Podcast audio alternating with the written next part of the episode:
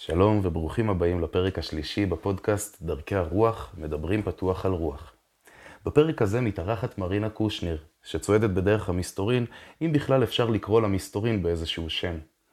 בפרק הזה אנחנו נדבר על מה זה המסתורין ואיך אנחנו ניגשים אליו, למה לנו בכלל לוותר על הנוחיות שלנו וללכת אל המסתורין, איך אנחנו יכולים למצוא תחושת משמעות בחיים, איך אנחנו יכולים לאהוב ולקבל את השינויים בחיים שלנו, והאם בכלל אנחנו צריכים.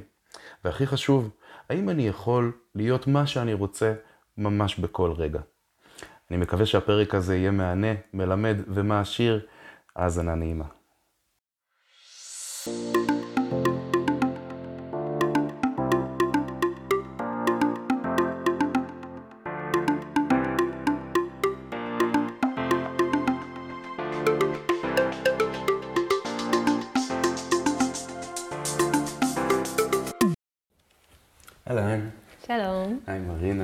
כיף להיות פה. היי אלכס, איזה כיף, ממש. מה שלומך? אני בטוב, מאוד. מה שלומך? מצוין. יש. תגידי, אז אה, אני ככה אצלול. בטח. מה זה דרך המסתורים? וואו, זה כמו לדבר על העולם. מה זה המסתורין? אני חושבת שזה המקום שבו אנחנו מתחברים לכל מה שאנחנו לא יודעים. מתחברים למקום בנו שיכול להתמסר, ובאמת לצלול לעומק של המערה של הארנב, המחילה החשוכה, וכמו לצאת לצניחה חופשית באוויר, להתמסר במלאות. ש... איפ- איפה זה? איפה נגיד בן אדם פוגש את המסתורים בחיים שלו? קודם כל כשהוא הולך לישון, אני חושבת, וכשהוא מתעורר. אמ, ואני אני, אני אתן רגע דוגמה. כשאנחנו הולכים לישון, אנחנו לא יודעים מה נחווה בלילה. אנחנו סומכים על זה שהגוף שלנו נשאר אמ, במיטה, ושלא יקרה לו שום דבר, ועם זאת התודעה שלנו תלך לאנשהו, ויכול להיות שנחווה חלומות, יכול להיות שנחווה סיוטים, יכול להיות שלא נזכור שום דבר, אבל בבוקר כשאנחנו חוזרים לגוף ומתעוררים בחזרה, זה כאילו מובן מאליו, אה, התעוררתי ועכשיו יש סדר יום, אבל לוקח איזה רגע עד שאנחנו לגמרי מבינים איפה אנחנו, והרגעים האלה זה נראה לי סוג של מפגש עם המסתורין. לאן היום שלי ילך? מה יקרה בו היום? מה יקרה עכשיו? מי, מי ייצור איתי קשר היום? איזה אפשרות נמצאת פה עבורי ברגע הזה? לאן החיים שלי ילכו מפה?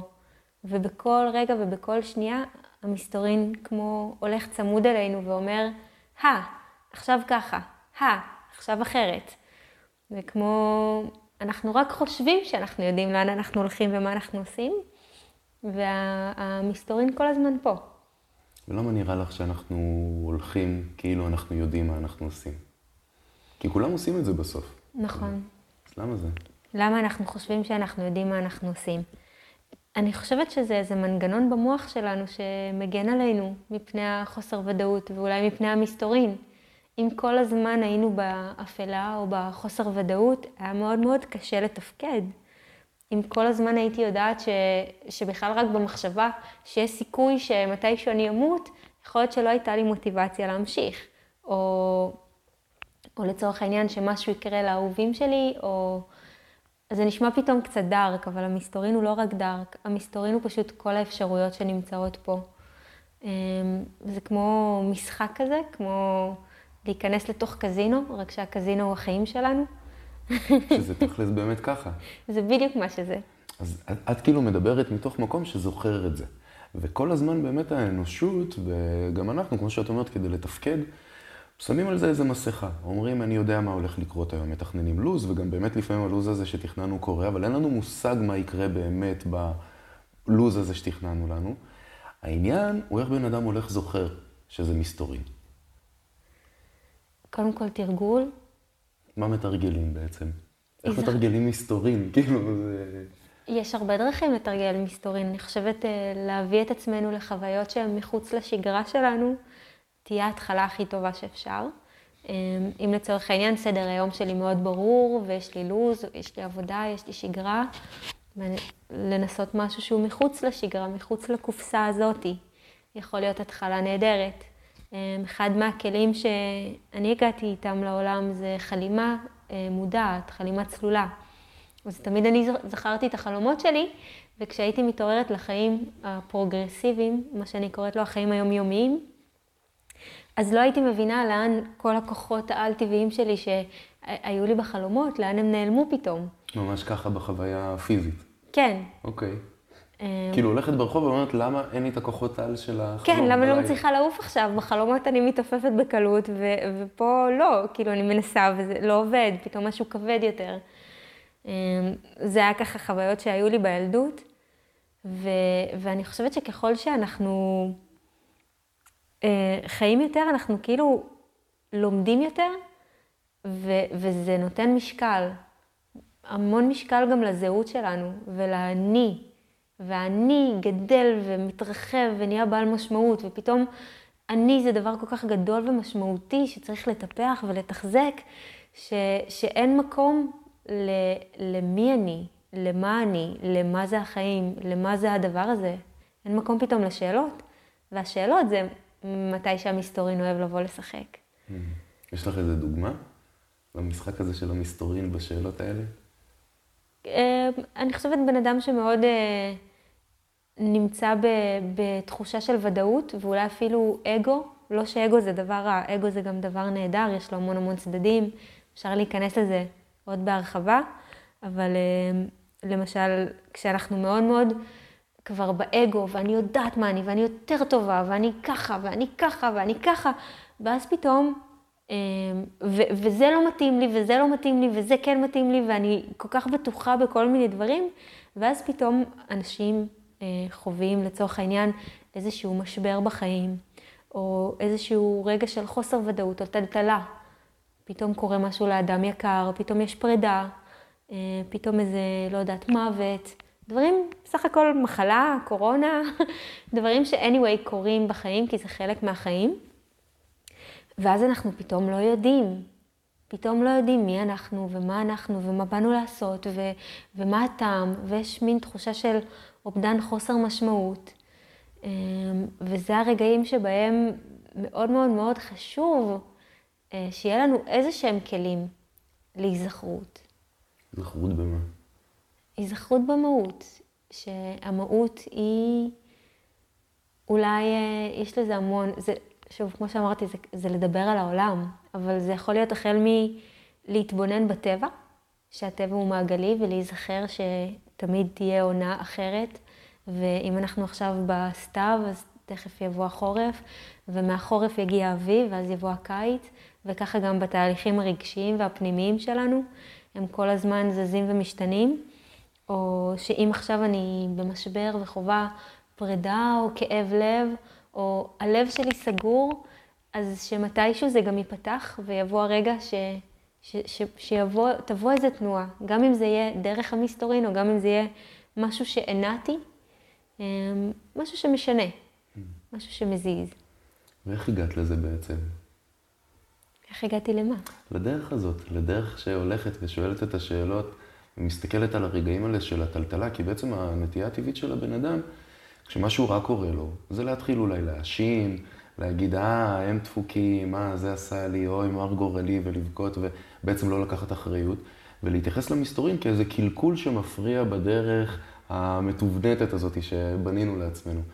ואת מתארת פה איזושהי גישה שמסתכלת דווקא על הקלקול הזה, כאילו על משהו שמסתכלים עליו כדבר רע, מסתכלת עליו די באור חיובי, אפילו ממש לחיוב, כאיזו הזדמנות לתקן, וזאת גישה שהיא מיוחדת, ובטח הגעת אליה, או שככה נולדת בגישה הזאת. אני לא חושבת אה, שבאיזשהו שלב הפסקתי לשאול שאלות. אני חושבת שתמיד שאלתי שאלות, ואני אה, חושבת שהדבר שהתפתח יותר אה, הוא התובנה והמודעות למה שאני מכנה ריבונות. אמ, וזה, וזה אולי הדבר הכי מהותי והכי משמעותי שיש לי גם להגיד. אמ, המקום שבו כוח הרצון שלנו מספיק חזק, להבין שאנחנו חופשיים, שאנחנו מספיק חופשיים בתודעה שלנו ובראש שלנו ובמחשבה שלנו, בשביל לא לחשוב שמישהו עשה לנו משהו רע, או, או רוצה ברעתנו. אפשר לקרוא לזה תמימות, אבל אני לא חושבת שזה מגיע מתמימות, כי זה גם לא לוקח ושם אצבע מאשימה על אף אחד, ובטח שלא על הבריאה ועל העולם, שנראה שיש לו חוקים מאוד ברורים. זה אנחנו, בני אדם, שהמצאנו חוקים שלא תמיד בהרמוניה או בסינכרון עם החוקים של הטבע, של המסתורין, של, של העולם הגולמי, לא רק אה, בנורמליזציה של בני אדם. וכשאני מדברת על נורמליזציה, אני מדברת על אה, נורמות חברתיות. אה, למשל, אני גדלתי אה, בבית שהיה שם המון אמונות מגבילות, אה, בין אם זה לגבי כסף, שפע, הגשמה, הצלחה, אה, יחסים מול גברים, איך אה, אישה צריכה להיראות ולהתנהג, מה אפשר לעשות, מה אי אפשר לעשות. וברגע שניסיתי ללכת לפי, ה... אפשר לקרוא לזה לפי התלם, או ללכת בדרך מסוימת, והבנתי שזה פחות עובד לי, אז אמרתי, טוב, גם ככה יצא לי שם בתיכון של ילדה מרדנית, אז בואו נשחק עם זה, בואו נראה איזה עוד מרד אפשר לעשות. ולקחתי את זה לכל כיוון ש... שחייתי, בין אם זה הצורה שבה התחתנתי, הצורה שבה התגרשתי, הצורה שבה ניהלתי מערכות יחסים, מערכות יחסים עם בני זוג, עם חברים, חברות, משפחה. וככה אני מאמינה שאנחנו באמת יכולים למקסם את החוויית חיים שלנו, שזה אולי הקטע, ההבנה שזו חוויית חיים, ובאנו למגרש משחקים אינסופי. ואז בעצם בן אדם הוא קולט את עצמו בתוך איזו סיטואציה. מה שאת מתארת זה די לצאת מכל מה שלימדו אותי, לצאת כנגד אולי אפילו, נכון? סוג של, לא שבאתי לעשות למישהו דווקא. אני חושבת שאולי הדווקאיזם התחיל דווקא, כן, היה שם דווקאיזם טוב. היה דווקאיזם בגיל צעיר. Mm. אמ, החל מהכחשה לזה ש... לצורה שבה חונכתי וגדלתי, הכחשה לזה שזו הדרך שבה ההורים שלי בוחרים לחנך אותי, אה, ועד זה שאני ממש לא אוהבת מתמטיקה ומכריחים אותי ללמוד מתמטיקה או, או תנ"ך, ו, ולחקור מה זה אומר בעצם בשבילי. אגב, כיום אני לומדת מתמטיקה ו, ונהנית מזה ורואה כמה זה חשוב, פשוט לא אהבתי את הדרך שבה הנגישו לי את זה בעבר והייתי צריכה ללמוד בעצמי. אה, אז... אז הדווקאיזם בעצם מתפתח לאיזה שיטה רוחנית באיזשהו שלב. לא יודעת אם זו שיטה רוחנית. אני חושבת שזה היה בעיקר שער, שער לשאול שאלות. וכל אחד וכל אחת יש להם את הדרך שלהם למצוא את השער שהכי נכון עבורם. אני די בטוחה שהדרך שלי לא תתאים להמון אנשים, אבל מה שלמדתי מהדרך זה שלכל אחד יש את העוצמה שלו ואת הזמן שלו. ואת היכולת שלו להבחין בתהליך שהוא נמצא בו, ולפעמים גם לזכור שאנחנו לא צריכים לעשות את זה לבד, שזה אחד מהדברים הכי גדולים. כי כשהייתי צעירה הייתי בטוחה שזה אני נגד העולם. כשהבנתי שאני יכולה לחבור לעוד אנשים ולשתף פעולה, ופתאום אנחנו ביחד חוקרים את החיים, אז נהיה הרבה יותר מעניין. אמ, מה שהוביל אותי כיום להרבה בניות של קהילות ו, ולחקור בתוך אה, מסגרות שהן יותר חברתיות. אני לא מעוניינת לעשות את זה לבד, אני גם לא חושבת שאני אגיע רחוק לבד. יש את המשפט הזה, אם אתה רוצה להגיע רחוק, תלך לבד, ו... לא, סליחה, אם אתה רוצה ללכת, אה, להגיע מהר, תלך לבד. אם אתה רוצה ללכת רחוק, תלך ביחד. Mm. ואותי מעניין ללכת רחוק. Mm, יפה. אז אה, אני אספר באופן כללי על ה... אולי על מה שאני עושה כיום. אז אה, אני מפיקה מעל 12 שנים כל מיני אירועים חברתיים, ויצא לי ליצור כל מיני קהילות סביב האירועים. פעם זה היה סביב הפקה שנקראה Universal Unicorn, שהייתה עושה פסטיבלים ומסיבות, וממש איגדה אה, סביב הקהילת חברים שהולכים עד היום. ו, ובשנים האחרונות החלטתי להעמיק את המסע, אמ, הרבה סביב ידע טיפולי וקליניקה ו, והכשרות שעשיתי בבתי ספר למסתורין שלמדתי בהם, והחלטתי ליצור אה, דרגות שונות של התפתחות עבור אנשים, בין אם בפסטיבלים או בין אם בריטריטים, שזה מסעות יותר מצומצמים, כשחלק מהמסע... מהמסעות הם ממש עובדים על רגש, על עוצמות רגשיות, על אה, לפרוץ מחסומים, על עבודת צללים אה, ולהתחבר, ממש להתחבר ביחד. וזה ה Soulphoria וה Recreation. Recreation זה הפסטיבל ו Soulphoria זה ממש retreat שבו אנחנו חוקרים את העוצמות הרגשיות שלנו ואיך אפשר לחגוג ביחד. כאשר המטרה היא, היא ליצור קהילה שהיא גם פתוחה, גם מודרנית, גם מאוד שוקקת וחיה, וגם מעיזה לבכות ולצחוק באותה נשימה. ורק זה מבחינתי זה אקט של, אה, לא מרד, אבל, אבל סוג של היפתחות כזאת ל, ל, למקום שבו אנחנו יכולים להיות רגישים ופתוחים, ולא רק בתוך המסגרת המרובעת. וגם לראות איך אנחנו יכולים לעשות את זה ביחד, עם עוד אנשים. אז איך היית ממליצה לבן אדם שמרגיש שאולי הוא לא חושף, אפילו בפני עצמו, רגשות יותר פגיעים, כמו כאב או עצבות או פחד? מה הצעד הראשון שאולי היית אומרת לו שיכול לפתוח לו את זה, ולמה לא בכלל? למה לא? וואו, אני יכולה לדבר על זה עד מחר. כי זה שווה, זה שווה לחיות את החיים באמת. הרבה אנשים מאבדים את תחושת המשמעות בחיים, והם לא מבינים מה הם עושים פה ולמה הם הגיעו, אבל זה כי הם ממש לא פתוחים להרגיש את החיים עם הלב שלהם, והם בעיקר חושבים על החיים עם הראש שלהם, ועושים כל מיני דברים שמאוד נורמלי לעשות, או מאוד הגיוני לעשות, או מאוד יקדם אותם לעשות, אבל אם הלב לא נוכח שם באיזשהו שלב, הלב מתעייף ונסגר ומתנוון, והמון המון סטרס נמצא שם, כמו ללכת ברחוב מבלי שאף אחד יביט לך בעיניים. והעוצמה שיכולה להיווצר מזה שאנחנו פתאום נמצאים באיזשהו קונטיינר שיש בו רכות ויש בו עדינות ויש בו מקום להגיד את כל הדברים שאנחנו חושבים בפנים, בתוכנו, ולא מעזים להגיד בקול רם, פתאום מסתכלים לנו בעיניים, פתאום נוגעים בנו, מלטפים אותנו, פתאום אנחנו ביחד. זה ממש כמו כל החלומות ש, שמתגשמים. ו, ו, וזה הדבר הכי עוצמתי שיש, זה לחקור אהבה, אבל לא רק אהבה זוגית, כמו שכל כך הרבה אנשים חושבים שאהבה צריכה להיראות או להיות, אלא לאהבה שיש לה כל כך הרבה צורות ודרכים שונות להתבטא. ובעיניי זה הכי מרתק שיש. וזה ממש המשחק של המסתורין וההרפתקה, ההרפתקה הזאת שנקראת החיים. ואז בן אדם בעצם שהוא מתחיל להיות יותר קשוב גם למסתורין שבו, לדברים שהוא פחות יודע, פחות מכיר. איך זה נראה אצלו בחיים? מה, זה, מה השינויים שבן אדם כזה יכול לחוות? אני יכולה לצטט מלא משפטים ששמעתי.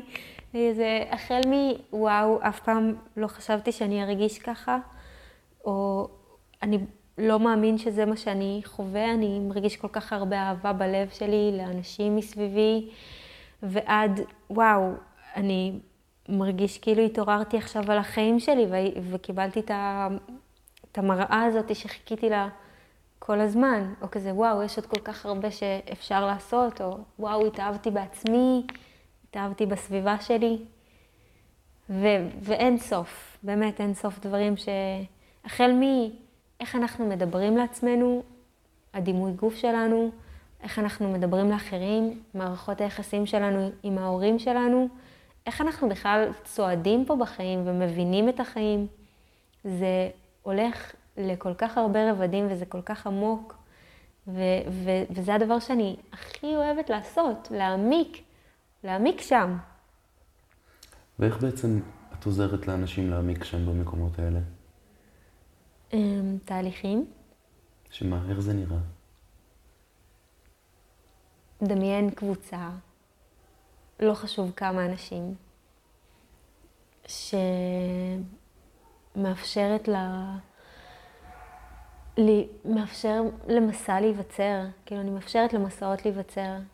אני משילה ביחד עם האנשים, שכבות שפשוט כבר לא, לא רלוונטיות לחיים שלהם.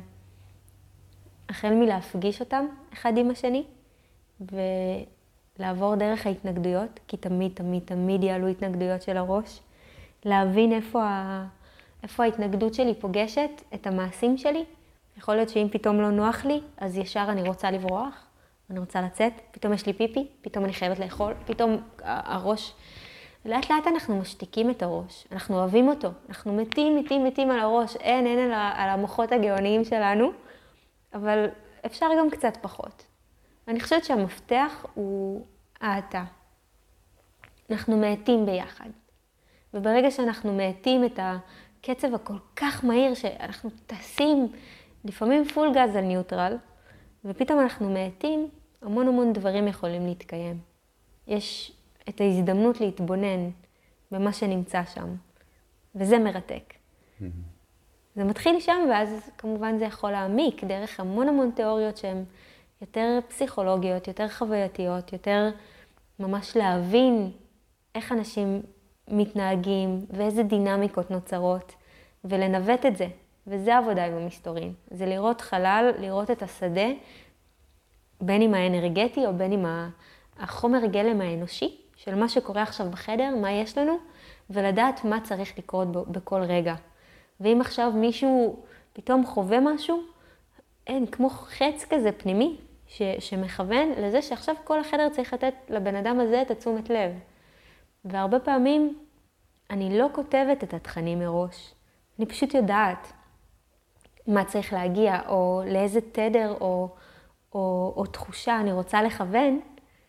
אני יודעת שאני רוצה שכולם יצאו בתחושה של קסם ו, ומפגש עם המסתורים, ומפגש עם, ה, עם הרגש שלהם והעוצמות הרגשיות, שאגב, גם הרבה, הרבה מאוד מהתהליכים האלה הם מלווים בדמעות וב, ו, ובעוצמות רגשיות. אבל ההקלה של אחרי זה של, וואו, אמרתי משהו שיושב לי בלב ואנשים לא ברחו. איזה מטורף. או כזה, וואו, בכיתי עכשיו בטירוף מול זרים, ואמרתי להם דברים שבחיים לא אמרתי לאנשים שקרובים אליי, והם לא ברחו. וההפך, פתאום הפגיעות חיברה בינינו, הפגיעות קרבה בינינו. הספונטניות והאותנטיות גרמו לי להרגיש שאני אני. וזה מקלף משהו, זה מקלף את השריון שאנחנו מסתובבים איתו. ואת יכולה לספר קצת על המסע שהוביל אותך בעצם לכל ה... מה שאת עוסקת בו היום, איך התחלת? Hmm. יכול ללמדת קצת אה, רפואה סינית. כן. אז אני חושבת שהתחלתי את, ה... את המסע דרך חלימה, באמת. אה, חלימה צלולה מגיל צעיר. מה שהגעתי לכאן, אני חולמת צלול, ותמיד רציתי עוד. רציתי עוד מהחיים. רציתי הכל. כל מה שיש לחיים האלה להציע. אף פעם לא היה לי מין תחושה כזאת של, אוקיי, זהו מספיק. כאילו כל הזמן היה כזה, יש עוד, יש עוד, יש עוד. התחלתי לצאת למסעות אסטרליים ומדיטציות מגיל מאוד מאוד מאוד צעיר, ומאוד מאוד התעניינתי בכישוף. זאת אומרת, אני זוכרת עצמי כבר בגיל 14, משננת לחשים, ומנסה להדליק כל מיני נרות צבעוניים, ו... הצלחת? ו... כל מיני דברים, כן, כן. חלק היו טובים יותר, חלק היו טובים פחות. ו... ובגיל צעיר אמ, הכרתי בחור שהתאהבתי בו מאוד, והוא סיפר לי שאפשר אה, לתפוס טרמפים ולהגיע לכל מקום שרוצים בארץ. והקונספט של זה הטריף אותי. זה היה נראה לי פשוט מטורף. אני, כתור ילדה בת 15, יכולה עכשיו מראשון לציון להגיע לאילת רק באמצעות האצבע שלי. זה היה נראה לי כמו קסם. הייתי יוצאת החוצה לכבישים ותופסת טרמפים ומגיעה לכל מיני מקומות הזויים. ולא הייתי, לרוב לא הייתי עושה את זה לבד, הייתי תופסת איתי עוד כמה חברים הרפתקנים ואמיצים, אבל זה היה פשוט מטורף. הייתי מסתובבת ברחבי ישראל בטרמפים, שאז היה הרבה יותר נפוץ אה, לתפוס טרמפים, ופתאום, תוך כמה שעות, בום, אני באילת. הולכת לחוף באילת, תופסת טרמפים, מגיעה למקום אחר. כמובן שההורים שלי לא ידעו מזה שום דבר, זה הכל היה סודי לחלוטין, אבל הקונספט הזה הטריף אותי. זה היה ממש כמו סוג של קסם.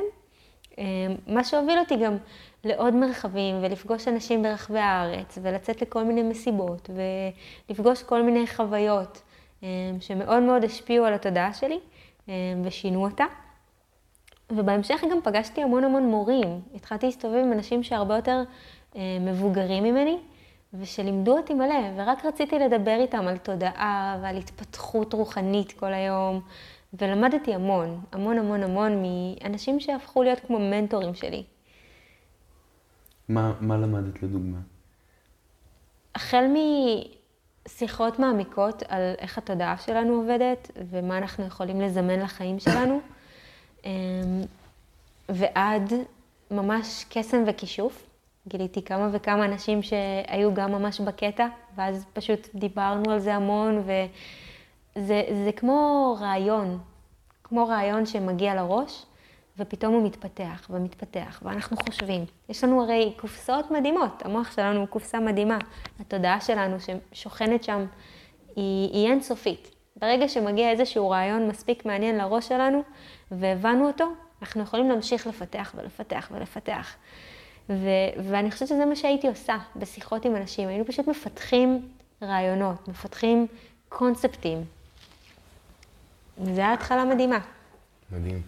ובעצם גם למדת כל מיני ממש שיטות שעיצבו אותך, ונראה שקיבלת הרבה כלים מהמון עולמות. ואיך בן אדם מגיע למצב שהוא כמו מבין מה שלא?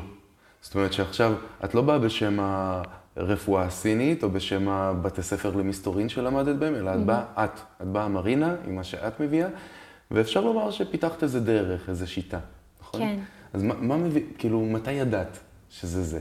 איך ידעת שיש זה, לך איזה משהו? זה לקח זמן. זה לקח הרבה זמן. אני חושבת שידעתי שיש בית לכל הדברים האלה. זה היה ברור לי. ראיתי את זה. הרי לצאת לחלימה צלולה מגיל מאוד מאוד צעיר, זה כבר מאוד מאוד מפתח. ידעתי את זה כשהייתי במדיטציה, ידעתי את זה כשהייתי במסעות, שמאנים כאלה ואחרים, וידעתי את זה גם כשבחרתי ללכת ללמוד רפואה סינית. ידעתי שאני הולכת ללמוד רפואה סינית, אבל זה ממש לא מספיק לי. דאגתי ללכת ללמוד theta healing ועיסויים וקואוצ'ינג ורייקי ו- וכל סוג של עיסוי וכל דבר שעניין אותי ודיארמורי, כאילו באמת, ממש התעניינתי בכל תורה, תורה רוחנית שיש, וצמחי מרפא ו... ו... ו... וגם כשטיפלתי בקליניקה והגיעו אנשים, אז כן, דקרתי אותם. אבל היה לי ברור שמה שאני עושה איתם זה בכלל לא המחטים. זה הנוכחות, זה ה... הלראות, זה המעבר. ואני חושבת ש... שמאוד קל לנו למוח לקטלג רוחניות, לקטלג דרך מסוימת בכותרת. כמו שקל לנו לקטלג אנשים בכותרות, לעשות להם איזה titling, כי קל לנו להבין את זה וזה אינסטנט, זה מהיר, זה כמו איך אה, להבין ככה וככה, טאק, הנה תשובה, יופי, קל, סגרתי את הפינה הזאת. העניין הוא שזה לא באמת עובד ככה, והכותרות האלה הן חמודות, הן טובות לאיזה שנייה, לאיזה הסבר מהיר, אבל למסתורין, אין כותרת. גם המסתורין לא עושה חסד אם, אם לקרוא לו מסתורין, או, או, או אתה, או, או האלוהות, או לא משנה מה. כאשר אנחנו באמת מתעסקים בנושאים שהם חוסר ודאות, לשים עליהם titling, וזה כמו, זה כמו לנסות להסביר משהו שאי אפשר להסביר, זה צריך להרגיש את זה. ואני חושבת שברגע ש, שבאמת הייתי מוכנה לשחרר את מי שאני, באמת לשחרר את מי שאני, באמת לאפשר למרינה למות. זה הרגע שבו הבנתי שגם כל מה שמרינה יודעת הוא לא רלוונטי. והרבה מהמסע ומההבנה שלי היום, ומה שאני גם מנסה ללמד אנשים, הוא לשכוח כל מה שהם למדו. מה, ש, מה שאני קוראת לו unlearning. unlearning, כי, כי למדנו כל כך הרבה בולשיט, כל כך הרבה, אה, מותר להגיד זיוני שכל? כן. למדנו מלא זיוני שכל, ו- וזה פשוט לא רלוונטי. כשאנחנו באמת רוצים לצאת ל- לדרך, באמת רוצים להבין, אז ממש חשוב שנשכח כל מה שלמדנו. נשכח את כל האמונות שמגבילות אותנו, את כל מה שההורים שלנו אמרו לנו, על כל נושא. ורגע נבין בעצמנו ונשאל את, בעצמנו את השאלות. הרי כל הדרמות וכל הסכסוך וכל המהלומות והתעמולות והתעלומות ש, שקורות, זה, זה מבורות, זה מזה שאנשים לא באמת מרגישים. אז, אז אני חושבת ש, שההבנה הגיעה ברגע שבאמת יכולתי לשחרר את מה שאני יודעת. ובעצם בן אדם, חושב שהוא...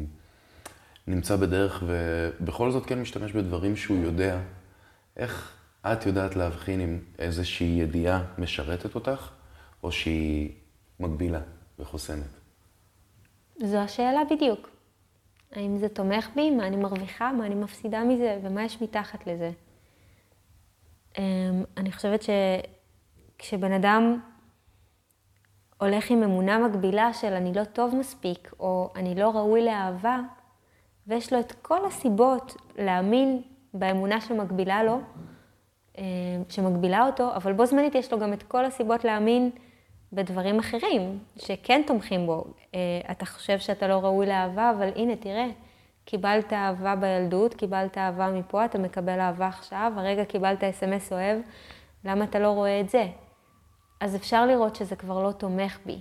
זה בעיקר מכניס אותי לסטרס, זה בעיקר מכניס אותי למקום שמצמצם אותי ולוקח ממני ריבונות. השאלה בסופו של דבר, האם אני רואה או רואה את עצמי כקורבן של המציאות, ואני יודעת שקורבן זו מילה שמפעילה המון אצל אנשים מסוימים, אבל זו שאלה שחשוב לשאול. האם אני מרגישה שעשו לי, שלקחו לי, ששתו לי? האם אני עם אצבע מאשימה לכל מיני גורמים בחיים שלי, ואז אני מרגישה כלואה? או האם אני מוכנה לצאת החוצה מחוץ לעצמי ולראות את האפשרויות שעומדות בפניי? כי יש כל כך הרבה אפשרויות, הרי כל כך הרבה שאפשר לעשות. כל בוקר יש לנו אינסוף אפשרויות שאנחנו מקבלים כשאנחנו מתעוררים בבוקר. מה נבחר לעשות עם זה? האם נבחר להישאר אה, במקום שלא, אנחנו חלשים ואין לנו כוח, או נבחר ללכת ולצאת למשחק עם המסתורין, לרקוד איתו? ולראות מה יש לו להציע עבורנו היום. וזה לא פשוט. מה שאני אומרת זה, זה בשתי משפטים, אבל זה לא פשוט, וזה גם לא titling, כי זה כל כך הרבה להבין וכל כך הרבה לשחרר, וכל כך הרבה לא ללמוד, ואז כן ללמוד. זה tricky. לא, את אומרת, זה צעד צעד. בן אדם לא בא עכשיו נולד, קופץ לתוך המסתורין בכל רגע, אלא עוד טיפה ועוד טיפה, ומשיל מעצמו עוד איזה למידה שלא משרתת אותו, ועוד איזה אמונה מגבילה. כן, אני חושבת שהכי חשוב זה להיות רכים עם עצמנו, ובחמלה, ובאהבה, ובקבלה, ולקבל את זה שאנחנו גם בתהליך ריפוי, אבל אנחנו לא מרפאים את הצללים שלנו, או את החלקים הכי כואבים בנו, אנחנו מקבלים אותם. ו- וזה מוביל אותי לשיחה בפני עצמה על, על הצללים, שזה... אחת מהעבודות הכי מרתקות שאני עוסקת בהן, עבודת הצללים שמבוססת על המחקרים של קרל יונג, אמ, שכבר התפתחה המון וכבר כבר ממש הפכה לשיטה אצלי לקבל את הצללים שלנו בגישה חיובית, וזה, ולהשתמש ב, בכל מיני חצים כדי לזהות מה חי בתוכנו. למשל, אה, עכשיו עלתה לי שיפוטיות לכל מה שמרינה אמרה. אני מניחה שלחלק מהאנשים עלה שיפוטיות ברגע שאמרתי את המילה קורבן. אוקיי, מעולה. אז לאן השיפוטיות הזאת מובילה אותי? כי אם יש איזושהי שיפוטיות, אם עולה איזושהי התנגדות, זה חץ מעולה לאיזשהו משהו, לאיזשהו צל בתוכי, שאני לא מקבל או לא מקבלת. זו הזדמנות מעולה להתבונן פנימה לתוך הנבחי נשמתי, או נבחי הפסיכולוגיה שלי, ולראות לאן זה מוביל אותי. זה כמו חקירה כזאת, זה כמו קצה חוט. ואז לאן זה יכול להוביל? אה, אוקיי. פתאום אני מזהה שהיא אמרה את המילה קורבנות, לא, אבל היא לא מבינה. החיים שלי היו באמת מאוד מאוד קשים. יופי, נכון, הם היו מאוד מאוד קשים. ומה קרה שם? יכול להיות שבילדות עשו לי משהו, או כזה או אחר, ופתאום זה הפך להיות לחלק בתוכי שאני לא מאפשר לו יותר להתקיים בחיים שלי כיום. למשל, אה, אני רציתי לבכות, ואני בכיתי המון, אבל ההורים שלי, או מי שגידל אותי, אמר לי שאין מקום לרגישות הזאתי. ואז פתאום ראיתי שאני לא מקבל אהבה כשאני בוכה, אז הבנתי שמי שבוכה הוא, הוא בכיין, או מילים אחרות, משפטים שנזרקו לעברי, והחלק הזה ננעל בתוכי, והפך להיות חלק שיושב בצל. ברגע שיש חלק שיושב בצל, אז אז פתאום אין לו מקום. ואם אין לו מקום, פתאום אני קשוחה, ואני לא מביעה רגשות, והלב שלי סגור, ואז מגיע כמה וכמה שנים, והחלק הזה שיושב בצל פתאום עולה כתור שיפוטיות או כהתנגדות למישהו שהוא רגיש. הוא מפעיל אותי ומטריג אותי, ו- ויש לי כל כך הרבה שיפוטיות כלפיו, וזה בעצם חץ נהדר להתבונן פנימה ולראות ש... אה, בתוכי יש גם מישהו מאוד מאוד רגיש, שרוצה להיפתח, ורוצה לבכות, ורוצה שיחבקו אותו ויקבל אהבה, קודם כל מעצמי, לפני שבכלל אני מסתכל או מסתכלת על אחרים. מקסים, זאת אומרת, בן אדם מתוך ה... לראות את המקומות שהוא בדרך כלל נמנע מלראות אותם בתוך עצמו, הוא יכול לראות דר... דרך המקומות האלה ואז להגיע להמון דברים יפים, כמו לאפשר לעצמך, או לתת לעצמך להיות משהו שאף פעם לא היית, או להשתנות אפילו מדברים שלא יכולת להשתנות בהם לפני זה. כן, לגמרי. מהמם. השינוי הוא מהותי. זה בעצם מה שאנחנו עושים. אנחנו יודעים שיש רק שתי דברים שהם בוודאות יקרו בחיים האלה. מוות ושינוי. החיים כל הזמן משתנים, אנחנו רואים את זה מסביב, הכדור הארץ מסתובב כל הזמן. החיים הם זמניים, העונות מתחלפות, היום והלילה מתחלפים. אנחנו כל הזמן רואים את התנועה של הירח, את התנועה של השמש. אנחנו רואים שהכל משתנה וזז, אז למה אנחנו לא? גם אנחנו כל הזמן. השאלה אם אנחנו נלחמים בזה, או שאנחנו בקבלה ופליאה אל מול זה. ואיך בן אדם באמת יכול ככה לאהוב את השינוי? לעוף על זה. קודם כל, הוא לא חייב לאהוב. Mm. זה ממש בסדר אם אנחנו לא אוהבים. אנחנו לא חייבים לאהוב שום דבר. זה פשוט יהיה לנו יותר כיף אם נאהב. כי זה גם ככה קורה, גם ככה כן, הכל משתנה, אז כדאי שתאהב את זה. זהו, השאלה אם אנחנו בוחרים להישאר בהתנגדות, או שאנחנו נבחר להשתנות ביחד ולחייך תוך כדי, ולא חייב לחייך. הכל בסדר, אנחנו יכולים גם לסבול. אתה יכול לשבת לבד קורבן בצד בשקט. שום בעיה, כאילו, אם זו הבחירה, ויכול להיות, יש אנשים שבוחרים את זה. בסופו של דבר באנו לחוויית חיים. איזה חוויית חיים שנבחר היא לג'יט. אף אחד לא אמר שאנחנו חייבים להתפתח רוחנית. יכול להיות שבא לנו לא להתפתח ולשבת על הגדר ולראות אנשים אחרים ולהגיד, להתבאס על כולם. ויכול להיות שזה החוויית החיים שלנו שבאנו לעשות פה, וזה סבבה. גם את זה צריך. זה, זה אחלה קטליזטור לאלה שכן רוצים להתפתח ולחקור את עצמם ולפרוח, להגיד, טוב, לזה לא בא לי להיות. את מדברת ואני רק מדמיין מלא אנשים יושבים על גדר, עושים כמו כבשים, ובצד שלהם עוד מלא אנשים שכזה, כן, תעודדו אותנו, אנחנו מתפתחים, זה בזכותכם. שגם זה מקסים, זה לראות איזו הרמוניה כזאת בבריאה, את אומרת, גם אנשים כאלה צריך. כן. גם את אלה שנותנים לך את המראה השנייה. ולפעמים אנחנו האנשים האלה. Mm-hmm. אני רוצה להגיד שפשוט הכל חי בתוכנו, והכל מראות. אז, אז גם האנשים, לי יש צד שלא רוצה להתפתח, ובא לו לשבת על הגדר ולעשות נה, ו- ולהתבאס על החלקים בי שרצים מהר מדי, שמתפתחים. וגם לזה יש מקום, גם הם יושבים שם בצל, ו- ו- ו- ובא לי לתת גם מקום לחלקים האלה שמתנגדים, לחלקים שהם בשיפוטיות, וגם לחלקים הגאים, וגם לחלקים של הזהות שלי, שאני יודעת מי אני, וגם לחלקים של האגו. הרי אנחנו פרקטל מורכב.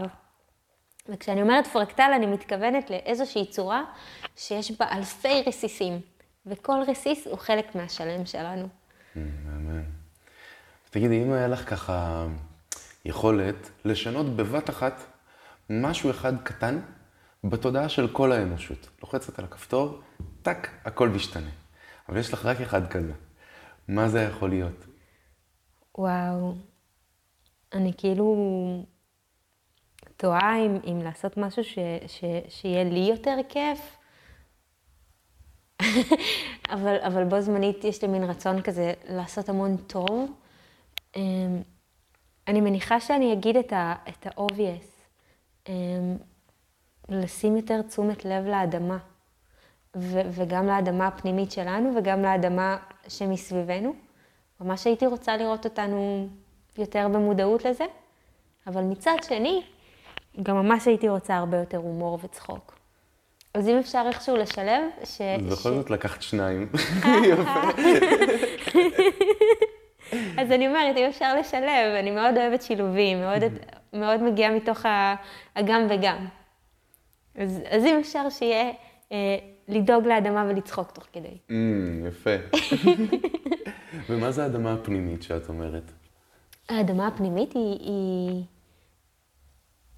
שוב, אני מגיעה מהאסכולה של הרפואה הסינית, והרפואה הסינית אה, מאוד עובדת עם אלמנטים, והאדמה, האדמה שאנחנו הולכים עליה, שאנחנו שותלים בדברים, וגם בתוך הגוף שלנו יש אדמה. כל מערכת העיכול נחשבת האדמה הפנימית שלנו, כל האזור של הבטן.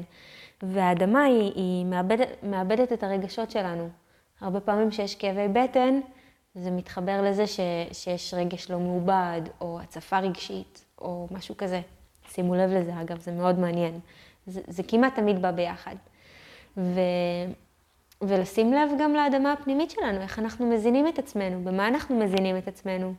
גם האדמה המנטלית שלנו, מה אנחנו, איזה תוכן אנחנו צורכים, איזה, איזה אנשים אנחנו פוגשים, מה אנחנו אוכלים איתם. אני מניחה ש, ש, שרוב האנשים יודעים שלאכול מקדונלדס ו, ו, ו, ו, ומלא סוכר ואוכל מעובד זה פחות טוב מלאכול מזון בריא וטוב, אמ, פירות, ירקות, כמה שיותר בריא, כמה שיותר טבעי, כמה שיותר פחות גישורים מהאדמה ועד אלינו, שאנחנו אוכלים. כאילו, את אומרת פשוט להתייחס לעצמך בכבוד, למה שאתה צורך, להיות במודעות, לא מתוך הרגל, אלא ממש בתשומת לב למה שמקיים אותך, מה שמזין אותך. לגמרי. כמה שיותר לשחרר את הטייס האוטומטי. ו- ולשים לב מי מנווט את הספינה עכשיו. האם שתי הידיים שלי על ההגה? לאן אני רוצה ללכת? מתי אני רוצה אה, לפנות ימינה או שמאלה? האם אני עושה את זה במודעות מלאה? גם אם עכשיו אני אוכלת שוקולד ואני מתה על שוקולד, אבל אני רוצה לדעת ש... אני יודעת שאני אוכלת את השוקולד ואני יודעת שזה סוכר, ויכול להיות שיש שם איזה שהם השלכות, ויכול להיות שזה יעשה לי איזה שוגר אש כזה או אחר, ולהיות פשוט במודעות. זה בסדר, כל עוד אנחנו יודעים שזה מה שקורה. בעצם את אומרת שהבחירה שלנו, למה אנחנו מכניסים לתוכנו, והמחשבות שלנו והאוכל שלנו, הוא גם איזשהו חלק מהמסתורים? או ששם דווקא כן יש מקום לידיעה מוחלטת? לגמרי, וגם לא להכניס. זה גם חלק מהמסתורים. אנחנו בעצם בוחנים השפעות של דברים על דברים אחרים, ולומדים מהם. זה ממש אה, תנועה בפני עצמה. אם עכשיו אני בוחרת לצום, התודעה שלי תתנהג אחרת לגמרי מאשר אם אני אוכל. אם אני אוכל junk food, התודעה שלי תתנהג אחרת לגמרי מאשר אם אני אוכל מזון טוב וחי או slow food, ו- וזה דבר מאוד מעניין להתבונן בו. איך התודעה שלנו מגיבה, וזה בעצם המסתורין. כי כשאנחנו מדברים על המסתורין, אנחנו מדברים על, על הכל. אנחנו מדברים על איך אנחנו מגיבים, איך דברים מגיבים אלינו. זה ממש חלק, מ... חלק מהשלם, חלק מהמהות, חלק מלהיות. ומבחינה חברתית, שאת אומרת שהלמידה הכי טובה קורית בחברה, ואם בן אדם כרגע אין לו את החברה הזאת, ואפילו הוא אומר, אני רוצה להתחיל לבד, אני רוצה לבדוק את העבודה הזאת של המסתורין עם עצמי, בבית, בסלון, איך הוא יכול לעשות את זה? קודם כל אפשר לעשות הכל גם לבד וגם ביחד, אבל כשאנחנו ביחד יש לנו את ההזדמנות המופלאה מכולם לשקף אחד לשני. ככה שההתפתחות היא אקספוננציאלית, היא הרבה יותר מהירה והיא הרבה יותר עוצמתית וחזקה. ו- וגם בזוגיות, אגב, אני חושבת שזוגיות זה מעבדה מטורפת ללמידה, בין אם זוגיות כזו או אחרת, לא משנה באיזה קונסטלציה, ריבוי מערכות יחסים, אני תומכת אגב בהכל. אמ, אני כן חושבת ש- שלבד אה, אפשר, אבל יש איזשהו גבול לכמה אנחנו יכולים ללמוד לבד, אמ, כי בניגוד לספרים והרצאות וקורסים אונליין ודברים כאלה, אה, שאנחנו יכולים כמה שיותר לצרוך אה, בעצמנו על, על כל מיני נושאים, אנחנו יכולים ללמוד אה, פוטושופ, אנחנו יכולים ללמוד מנהל עסקים, אבל יש דברים שאנחנו לא יכולים ללמוד, וזה אינטימיות, איך עובדים עם אנשים, תנועה שקורית, איך אני מול אנשים, כי אני משתנה מול בני אדם. כל פעם בן אדם אחר ישקף צד אחר של האישיות שלי. ככה מסתור, מסתורין אוהב לשחק. הוא רוצה לראות איך אני מול הבן אדם הזה. הבן אדם הזה ילחץ לי פה ופה ופה, ויצא ממני משהו אחר לגמרי, שאני אופתע ממה שיוצא. כשאני לבד עם עצמי, אני יכול לעבוד מלא, ו- וללמוד מלא, ויש אין סוף ספרים. אני ממליצה לכם, תקראו ספרים, את כל ספרי התודעה. אני ממליצה לכם לראות את כל ההרצאות ואת הטדים, ו, ומוזמנים גם לראות הרצאות שלי ביוטיוב, ו, ו, ו, ואין סוף פוסטים שאנחנו יכולים לקרוא ולשאול שאלות בקורה, ובאמת, לא חסר דברים.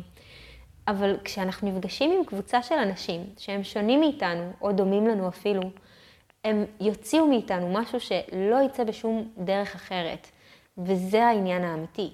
בין אם זה אנשים בעבודה, בין אם זה אנשים שהם חברים שלנו, או אנשים חדשים בריטריטים, בפסטיבלים, והכי מעניין זה לעבוד גם מול המשפחה.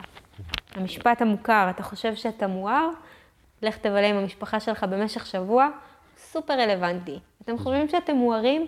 לכו לאנשים קרובים ותראו מה יצא ממכם. זה מרתק. זה פתח נהדר לעבודה. ואת את מדברת לפעמים על הכוח של המעגל שנוצר. כן. מה זה? הכוח של המעגל. אני אוהבת להסתכל על, ה... על העבודה שאני עושה כעבודה שמאנית, אמ, או עבודת קסם, או פשוט עבודה ארכיטיפית. אמ, אני אסביר רגע מה זה ארכיטיפים לאלה שלא יודעים. ארכיטיפים זה איזה שהם ייצוגים אוניברסליים שנמצאים כאן עבורנו. לצורך העניין, ייצוג מסוים יכול להיות המנהל. יכול להיות מנהל בית ספר, מנהל אה, קליניקה, מנהל אה, משרד, מנהל whatever. או יכול להיות קופאית, ייצוג של קופאית. קופאית בסופר, קופאית זה, לא תמיד אנחנו זוכרים את כל הקופאיות שפגשנו, אנחנו גם לא אמורים. ייצוג של מכשפה, להרבה אנשים יש כל מיני השלכות על מה זה הייצוג הזה של המכשפה, או הייצוג של, ה, של הקוסם, או הייצוג של המלכה, או המלך, או הנסיך, הנסיכה. וזה בעצם הארכיטיפים. כשאנחנו נמצאים במעגל, לא משנה מה כמות האנשים, כל אחד תופס איזשהו ייצוג, בין אם במודע ובין אם לא. הכי, הכי שווה זה להעלות את זה למודע, ולראות איזה ייצוג אני תופס עכשיו. יכול להיות שאני תופסת את הייצוג של מי שיודעת, יכול להיות שאני תופסת את הייצוג של מי שמבולבלת עכשיו ולא יודעת שום דבר. יכול להיות שאני תופסת את הייצוג של מי שעכשיו ממש נלהב ורוצה עוד. יכול להיות שאני תופסת את, הניוג, את הייצוג של מי שלא מתחבר. כשאנחנו עובדים בקבוצה, יש לנו את ההזדמנות להחליף ייצוגים בינינו. וככה, כמו להחליף מקומות, ו- וזה מרחיב אותנו, זה מרחיב את האישיות שלנו, זה מרחיב את התפיסה שלנו, את התובנה שלנו לגבי מי אנחנו ומה אנחנו. זה מגדיל את הזרועות תמנון הדמיוניות שלנו לגבי הממדים של איפה אני מתחיל ואיפה אני נגמר, ומכניס פנימה את כל הממדים של האנשים שנמצאים איתי. בסופו של דבר זו פעולת התרחבות. וכשאנחנו נמצאים ביחד, במיוחד באיזשהו תהליך שהוא פותח לב, שהוא מוריד מגבלות, שהוא משחרר מחסומים ומגננות, ופתאום פותח לכולם את הלב, אנחנו יכולים להתבונן על הייצוגים האלה בתוכנו, ואולי על חלקים שהיו מאתגרים עד עכשיו, ופתאום לראות בהם יופי, לראות בהם אהבה, לראות בהם חיבור. וזה מרחיב אותנו להרבה יותר, כי אנחנו מקבלים רבדים ושכבות מטורפים של קבלה עצמית, של אהבה עצמית, של לראות את הקומפלקסיטי, את המורכבות של כמה אנחנו מורכבים כבני אדם, וכמה הסיפור שלנו שאנחנו מספרים לעצמנו הוא לא רק הסיפור שלנו. כמה הסיפור שלנו הוא קולקטיבי, ארכיטיפי, ייצוגי. אני חושבת שהייתה לי ילדות כל כך קשה, ואז אני פוגשת עוד אנשים עם ילדות כל כך קשה, ואולי אפילו יותר קשה, או אני בוכה את הכאב של אנשים בשושלת שלי, ואז אני פוגשת גברים שבוכים את ה... פתאום אנחנו מתרחבים ומרגישים שהעבודת אה, עומק הרגשית והניקוי הזה שאנחנו עושים, של, ה, של התבניות, שלא משרתים אותנו יותר, התבניות, הפרדיגמות האלה, הם פתאום משהו שאנחנו עושים גם בשביל ההורים שלנו, ובשביל הסבים והסבתות שלנו, ובשביל כל הדור השושלתי שלנו, ומשהו משתחרר שם. משהו באמונות המקבילות מתמוסס. משהו במקום שבו זה אי אפשר עבורי, הופך להיות זה אפשרי עבורי. זה קסם, זה ואז, מסתורי. ואז באמת איך בן אדם יכול להתחבר לארכיטיפ שהוא חושב שהוא לא הגיוני בשבילו. נגיד סתם, גבר כזה גדול, חזק, שמתבסס על היכולת הפיזית שלו, איך הוא יכול להיות פתאום פרינססה כזאת בת 16? כזאת, תביא לי, זה לא, לא בא לי, זה... זה לא את אומרת שזה להיות קיים ככה. בו. זה קיים בו והוא לא חייב להתנהג ככה.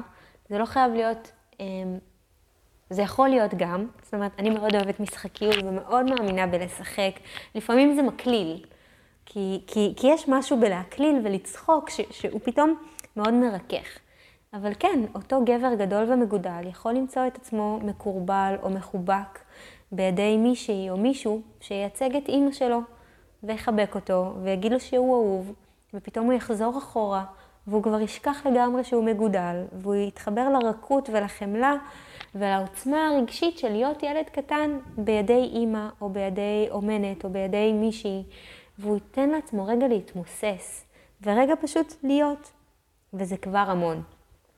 זה כבר המון. זה לא חייב להיות ממש מטופש או, או דבילי. זה יכול להיות, אבל לא לשם אני חותרת. דווקא אני אוהבת להעמיק, והרבה פעמים בהעמקה זה לא להעמיד פנים, זה באמת לראות מה כבר נמצא שם. כי, כי ברגע שקבוצה של אנשים נפגשים, יש כבר כל כך הרבה עם מה לעבוד. כל בן אדם זה עולם ומלואו. נפגשים פה כמה עולמות, יש פה כל כך הרבה חומר גלם לקסם, יש פה כל כך הרבה מארג אנושי בלתי נגמר של, של, של דברים שאפשר לעשות ביחד. זה אינסופי. תגידי, את אה, מדברת על הבית ספר למסתורין שאת רוצה לפתוח. כן, חלום שלי. שמה זה? מה לומדים בבית הספר למסתורין של מרינה? וואו. אז אה, קודם כל, אני לא רוצה שיקראו לו בית הספר למסתורין של מרינה. הוגוורטס כזה. לגמרי הוגוורטס. אני חושבת שמאז ומתמיד רציתי עוד מהחיים. אמרתי את זה גם נראה לי לפני. אני עדיין רוצה עוד, ואני רוצה שאנשים יראו את, ה, את כל הפוטנציאל שיש פה בחיים האלה, שיפתחו ל, לעוד, למאצ'נס. וחלק מזה זה לשלב את כל התורות האלה שקיימות. כי כמו שאמרתי, אני מאוד מאמינה ברפואת הגם וגם. זה מה שאני הכי אוהבת. כמו שאני אוהבת לאכול גם זה וגם זה וגם זה וגם זה בצלחת שלי, ככה המסעות שאני מוציאה אנשים, אני רוצה שהם יהיו גם זה וגם זה וגם זה. דווקא ההתרחבות הזאת, על להבין כמה אנחנו רחבים וגדולים, היא מאוד פותחת ומאפשרת. ובבית ספר למסתורין, שאני חולמת עליו כבר כמה שנים ו, ו, ומתרגשת, כי, כי, כי הגיעו אליי גם משקיעים לאחרונה, וממש אנשים שכבר תומכים ברעיון ורוצים שזה, שזה יקרה, אני מדמיינת שיש שם גם וגם וגם. יש שם גם נגיעות מעולם הרוח, גם נגיעות מעולם החומר, גם מהתפתחות אישית, וגם מעבודה קבוצתית, גם מעבודה אישית. גם חקירה כזאתי, גם נגיעות בתיאוסופיה, גם פילוסופיה קלאסית. מין קורת גג כזאתי של לחקור מה זה החיים באמת, מהי המשמעות, כמה עוד אנחנו יכולים לעשות ביחד, והכי חשוב לי, להתחבר ביחד למה שנקרא ה-sacred living, שזה החל מהמודעות של מה אנחנו אוכלים, למה אנחנו יוצרים, לפעול מתוך תודעה ומודעות, חיבור ללב, חיבור למיניות שלנו, לאגן שלנו, לכל החלקים ביחד, ו- ולפעול מתוך, לא מתוך טאבו ו- ומה אסור, אלא מכל האפשרויות שאנחנו יכולים ליצור ביחד. ובאמת לחקור, באמת לחקור את הקסם של החיים, את האהבה האינסופית, את הזהות, איך אפשר לשחרר עוד מהזהות, איזה עוד זהות אפשר ליצור, איך אנחנו משחקים במסכות אבל גם משילים אותם כשהן לא משרתות אותנו. אז מין בית ספר שהוא הוליסטי כזה, ואני מאמינה שהוא יהיה הראשון בישראל, כי אני לא, לא שמעתי על עוד שמוציאים מסעות כאלה עושים דברים כאלה פה בארץ. נשמע מהמם, מקווה שיצליח. אמן. ותגידי, את, את רואה בעצם המון אנשים בפסטיבלים ובאירועים שאת עושה, ועד כמה את מעריכה שהתרבות הזאת, התנועה הזאת של ה-sacred living, או בכלל חיים מודעים, היא תופסת מקום היום בארץ? מאוד. מאוד, וזו תנועה שהולכת וגדלה. יותר ויותר אנשים מצטרפים אלינו, וזה ממש משהו שאני עושה. אני מברכת אנשים חדשים ואנשים ש, שרוצים להתחיל ולא יודעים איפה. אני מקבלת כל יום באמת עשרות פניות מאנשים ואני תמיד כשאני רואה מישהו חדש ש, ש, ש, שפונה אליי, אני ממש מאמינה שזה לא סתם. אני, אני מתרגשת שעוד מישהו הולך להיכנס לתוך העולם הזה ו, ולמודעות הזאת, כי אני באמת מאמינה שיש גבול לכמה אנשים אני יכולה לגעת בהם, אבל אין סוף גבול, גבולות לכמה אנחנו ביחד יכולים לגעת, ואנחנו שולחים את האדוות האלה, וזה אדוות שהולכות ומתפשטות, ומבחינתי זה מדבק יותר מקורונה. Hmm. האדוות האלה של האהבה ושל המודעות וההיפתחות, והללכת בדרך שהיא, שהיא לשאול שאלות, והיא באמת להבין מה אנחנו עושים, ולא ללכת כי אנחנו הולכים וזה מה שעושים. ורגע לצאת מתוך איזו נורמליזציה, ובאמת לצאת למסע של חקירה. אותי זה מרתק, ואני פה בשביל זה, אני חיה בשביל זה. Hmm. מהמם.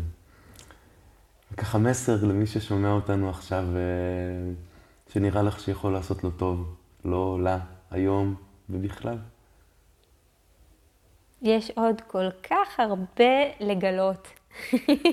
אני, אני רק, ככל שאני הולכת יותר, אני רק מגלה כמה עוד יש לגלות ו, ו, ו, ולפגוש, וזה מרתק, וזה אינסופי. ו, וגם אם עכשיו אתם במקום ש, שהוא מבולבל ולא ברור ו, וקצת קשה, יש תמיד מי שיושיט לכם יד, יש תמיד אפשרויות שנמצאות כאן עבורכם, והן פשוט זמינות. להאמין ו- ולעשות איזשהו צעד, איזשהו מהלך שהוא לא רגיל. לצאת לפגוש את המסתורין, המסתורין כבר יוביל אתכם בדרך הכי נכונה. וגם אם זה נראה קשה ולא ברור, זה לא סתם. Mm-hmm. זה חלק מה, מהסיפור, זה חלק מהלמידה. זה מה שבאנו לעשות פה, ללמוד ולחוות. מהמם. תודה רבה, מרינה. יס, yes, תודה mm. רבה רבה. ממש תודה. אם